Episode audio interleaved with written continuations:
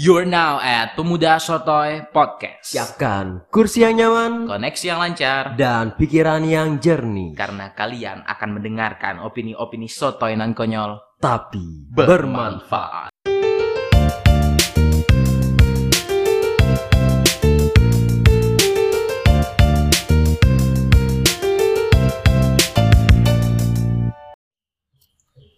Yo kawan-kawan semua, Eh, kembali lagi di podcastnya Pemuda Sotoy. Setelah udah cukup lama nih, Pemuda Sotoy nggak nge-podcast.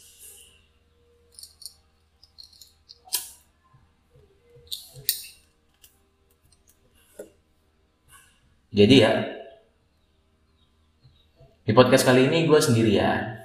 Karena kebetulan rekan gue yang menyebalkan itu, si Kapis, lagi balik ke Bogor karena ada beberapa hal yang harus banget diselesaikan di sana. Gitu. Jadi dia balik balik ke Bogor itu Jumat minggu lalu. Dan gak bisa akhirnya nge podcast bareng-bareng dengan gue di studio. Gitu. Jadi gue nge-take over podcast ini sendiri dulu. Cuman mungkin untuk next gue berpikiran untuk tetap ngajakin Kapis podcast tapi mungkin lewat online meeting kali ya lewat meeting online lewat entah entah itu platform zoom atau apalah mungkin nanti yang bagus kayaknya bakal tetap ada sih untuk ke depan. Cuma untuk episode 5 ini gue isi sendiri dulu gitu. Gue mau cerita ya jadi uh, gue pikir bakal sepi studio kalau kapis pergi kan? Ekspektasi gue seperti itu. Ternyata tidak. Ternyata tidak sesepi yang gue bayangkan. Gue merasa nyaman-nyaman saja jikalau tidak ada dia di studio gitu. Tapi enggak ya, uh, yang jelas pasti ada kehilangan lah. Asik ini kalau dia denger mungkin muntah kali ya. Karena kan biasa gue bercanda-canda kan, cuma sekarang enggak. Anyways, gue sore hari ini mau langsung aja kali ya. Gue sore hari ini mau ngebahas sesuatu yang setidaknya menurut pemikiran gue sendiri itu menarik uh, udah panas dari beberapa bulan yang lalu dari bulan Januari kalau nggak salah gue cuman uh, disahkan panasnya bukan disahkan panasnya matangnya lah. Matangnya isu ini itu Jumat minggu lalu. Nah iya bener banget cuy ini sekarang gue ngetek podcast episode 5 ini jam 16.30 tanggal 12 hari Jumat. Seminggu yang lalu tanggal 5 ya kalau nggak salah hari Jumat uh, sekitaran jam-jam segini juga ada sangat ada isu yang sangat hangat yang udah bener-bener matang nih. Udah dipanasin udah minyak goreng isu ini ibaratkan tuh udah dipanasin dari bulan Januari dan akhirnya ini isu udah digoreng-goreng terus akhirnya matang. Matangnya minggu lalu. Nah gitu. Yaitu isu soal kudeta Partai Demokrat tuh kalau kata media kan pakai istilah kudeta Partai Demokrat Jadi di podcast kali ini gue nggak ada alur berpikir yang jelas sebenarnya. Gue nggak ada konstruksi pikiran yang jelas. Balik lagi sesuai nama lah ya pemuda sotoy. Uh, cuman intinya gue akan menyuarakan apa yang ada di pikiran gue. Wah berarti bal ketika lu menyuarakan apa yang ada di pikiran lu tapi lu sendiri mendisclaimer di awal bahwa ini bukan uh, suatu pemikiran yang nggak jelas konstruksi berpikirnya berarti lu nggak jelas dong konstruksi berpikirnya. Ya memang seperti itu.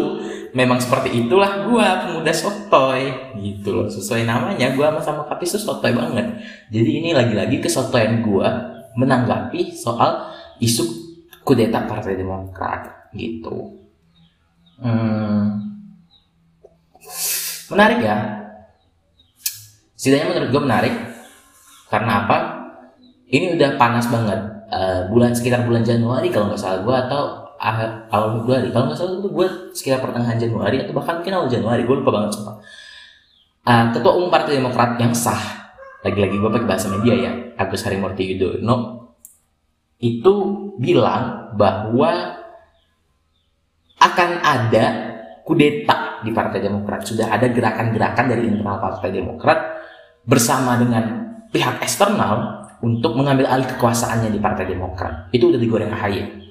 AHY udah ngasih warning kan, udah ngasih lampu kuning dari awal bulan Januari. dan pada saat konferensi pers itu kalau nggak salah gue AHY ngomong bahwa orang eksternal yang dia maksud adalah orang terdekat di lingkap di lingkungan kepresidenan bukan pribadi Joko bukan pribadi Bapak Joko Widodo tapi di lingkungan kepresidenan alhasil media dengan segala kehebatannya menodong mungkin menodong ya yang terlintas dalam pikiran gue menodong menodong nama kepala kantor staf kepresidenan Bapak Jenderal Purnawirawan Muldoko. Media mengatakan bahwa bukan mengatakan, memprediksi atau mungkin ya memprediksi bahwa pihak eksternal yang dimaksud itu adalah Pak Muldoko selaku KSP. Tapi ketika Pak Muldoko beberapa kali uh, menyatakan di depan wartawan, dia bilang bahwa enggak. Loh, kok gue masih gini, gue masih gini. Dia dia pakai term gua asik, art muda banget kan ya. Loh, kok gua diseret-seret? Kalau tapi enggak itu sih. Intinya itulah. Orang gua ngopi-ngopi aja, kok gua ngopi-ngopi ada yang grogi. Asik, Pak Muldoko kan ya ngomong kayak gitu tuh. Terus kalau nggak salah gue ada juga dia pernah bilang bahwa enggak, nggak uh, usah seret-seret saya lah apalagi pak presiden gitu segala macem. Terus juga gue pernyataan dia tuh yang gue inget tuh pas awal-awal isu ini dipanasin minyak gorengnya sama AHY itu adalah uh, dia ngeledekin term kudeta yang dipakai AHY ketika konferensi pers oh kudeta uh, dari eksternal namanya tuh kudeta tuh dari dalam gitu kan segala macam. Tapi ya bisa kita lihat sekarang lah bahwa kenyataannya adalah KSP Muldoko, gue nggak akan melepas KSP-nya karena memang menurut gue jabatan itu melekat kan, melekat. Walaupun memang di beberapa konteks lu bisa ngelepas jabatan lu, walaupun di beberapa di beberapa di beberapa ya di beberapa konteks lu bisa atas nama pribadi, cuman setidaknya menurut pandangan gue jabatan itu melekat Mana tadi? KSP Muldoko. Iya. Nah, ngeledekin term kudeta itu kan segala macem. Dan ya lucu karena ternyata minggu lalu memang beliau yang pihak eksternal yang dimaksudkan oleh AHY gitu loh. Dan, dan seru cuy seru. Dan kalian pasti ngikutin lah, kalian pasti ngikutin. Gue, yakin banget banyak anak-anak muda yang ngikutin ini karena ini emang sepanas itu dan ini emang seseru itu gitu loh. Uh, gue memang masih ilmu politik cuman gue nggak akan menanggapi ini dari segi ilmu politik lagi-lagi gue akan menanggapi ini dari segi kesotoyan gue uh, intinya menurut gue gue nggak tahu nih mana yang baik atau mana yang mana yang benar mana yang salah mana yang kiri mana yang kanan. Karena kan kalau di Indonesia term kiri itu kan jelek ya. Mana yang kiri mana yang kanan gue nggak tahu. Dan gue nggak akan mau untuk menilai itu salah atau benar enggak. Cuman yang menarik dari sini adalah uh, ini teguran sih menurut gue untuk Partai Demokrat. Ya. Ini teguran untuk Partai Demokrat. Dan juga untuk pemerintah. Lagi-lagi uh, teguran untuk Partai Demokrat karena memang tidak bisa kita pungkiri setidaknya menurut kacamata gue pribadi menurut kesukaan gue lagi-lagi Partai Demokrat itu dinasti politiknya terlalu kencang Partai Demokrat dinasti politiknya terlalu kencang. Ini teguran untuk Kroni Cikeas supaya enggak terlalu membuat Partai Demokrat seolah-olah menjadi dinasti politik. Gue melihatnya seperti itu. Ini teguran. Dan ini adalah bagian dari proses pendewasaan Partai Demokrat. Uh, itu sih kalau kalau tanggapan gue terkait isu ini. Gue nggak akan banyak ngomong sih sebenarnya karena gue juga belum riset sih. Ini soto aja sih gue jujur seminggu ini belum riset dan mungkin untuk ke depan kalau gue ada argumentasi yang lebih ilmiah gue akan buat podcast lagi cuman intinya menurut gue soal-soalnya gue sekarang ini tuh bisa dikatakan adalah teguran untuk Partai Demokrat yang udah terlalu berdinasti politik lah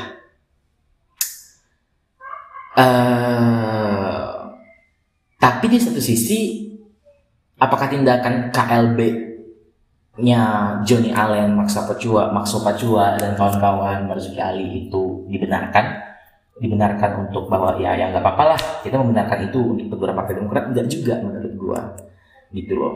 Karena gua nggak tahu ya gua gua gua nggak pernah di partai cuman mungkin memang intrik politiknya seperti itu kali ya tapi menurut gue itu memang kurang etis karena ketika misalkan eh, ada yang salah di dalam rumah lu ini klise banget sih cuman ini benar menurut gue ketika ada yang salah di rumah lu ya lu lu ngomong dong ke orang rumah gitu kan.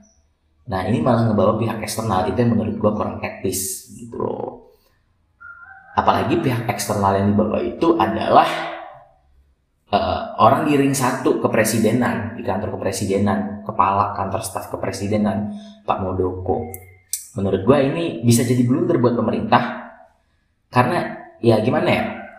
Eh, walaupun nggak bisa dikatakan itu jabatan KSP tapi tetap aja kayak gue bilang tadi jabatan itu melekat di diri Pak Muldoko sehingga jelas dong rakyat melihat waduh kok orang terdekat nih ring satu Jokowi ini yang melakukan kudeta itu gitu. Ini imbasnya nanti adalah ke kepercayaan masyarakat kepada pemerintah menurut gue nih menurut satu-satunya gue Eh, ya menurut satu-satunya gue gitu karena ini bahaya sih untuk pemerintahan bahaya. Karena nanti pemerintahan dituding untuk eh, banyak kan lu, lu pasti udah denger lah banyak dengan bahwa ini adalah eh, jalan untuk membuat demokrat menjadi bagian dari pemerintahan. Karena oposisi di Indonesia secara formal di parlemen itu cuma PKS dan Demokrat. Lagi-lagi ya secara formal gue nggak tahu. Karena di daerah gue lihat PKS sama PDI kadang akur-akur aja gitu kan. Cuma secara formal cuma PKS dan Demokrat. Nah ini banyak dong sinisme-sinisme masyarakat eh, terkait ini pasti akhirnya akan menyasar ke situ juga. Ujung-ujungnya akan menyasar ujung-ujungnya akan menyasar ke pemerintah juga. Oh ini nih jangan-jangan kingmakernya adalah pemerintah nih. Karena mereka butuh suara demokrat untuk melakukan amandemen kelima katanya kan segala macam. Karena mereka butuh suara demokrat untuk membuat presidential threshold jadi 35% segala macam. Nah ba- balik lagi yang kena akhirnya pemerintah gitu loh. Jadi rasa-rasanya tidak mungkin untuk eh, dalam kasus ini rasa-rasanya menurut gue nih tidak mungkin untuk meletakkan pemerintah hanya sebagai penengah pasti di masyarakat pemerintah akan diseret. Karena apa? Karena di satu sisi Pak Muldoko itu adalah bagian dari pemerintahan. Jadi menurut gue tidak ada tidak salah persepsi masyarakat itu gitu loh. Tidak salah sinisme-sinisme masyarakat terhadap pemerintah. Seperti itu itu menurut pandangan gue ya. Ya. Intinya itulah. Ini teguran sih buat Pak SBY dan kawan-kawan ya Pak SBY dan kawan-kawan. Kalau mendengarkan podcast ini ini teguran banget karena ya lu jangan dinasti politik mulu lah. Gitu loh. Dan juga buat pemerintah ayo pemerintah tolong bener-bener bener-bener dipertanyakan nih integritasnya nih sama masyarakat nih. Tolong memang dalam kasus ini bener-bener jadikan tengah yang baik. Karena walaupun itu partai politik walaupun masyarakat itu sinis pada partai politik tapi masyarakat nggak pernah sinis sama yang namanya kehadiran check and balances di negeri ini gitu loh. Masyarakat nggak akan pernah sinis sama kehadiran partai-partai oposisi karena masyarakat merasa butuh untuk ada oposisi di dalam eh, dinamika pemerintahan. Jadi untuk pemerintah ya gua harap integritasnya benar-benar benar-benar ada di kasus ini gitu loh. Eh, balik lagi ya kita akan melihat ini di pengadilan katanya mungkin mungkin belum ke pengadilan sih. Kita lihat kita lihat ini di Kemenkumham dulu. Cuman yang gua agak lucu nih yang gua agak unik Bapak yang terhormat Makso Pacua dan kawan-kawan. Itu sangat yakin cuy setiap ditanya sama uh, wartawan setiap jadi narasumber itu pasti selalu kita lihat di Kemenkumham kita lihat di Kemenkumham sangat sangat yakin gitu kan. Sangat sangat yakin untuk membawa kasus ini di Kemenkumham yang mana akhirnya gue jadi curiga juga nih aduh ada, ada apa ini di Kemenkumham ini? Kok yakin sekali? Gitu kan. Ya gitulah. Intinya ini kesotoyan gue terkait kasus terkait kasus terkait isu isu KLB isu kudeta Partai Demokrat ini Eh, buat teman-teman yang mau berpendapat silahkan mention di twitternya @pemudasotoy Eh, kritik dan saran tentunya sangat kami butuhkan. Sotoy aja dulu kawan-kawan semua. Karena apa? Karena sotoy belum tentu salah. See you. Sampai jumpa lagi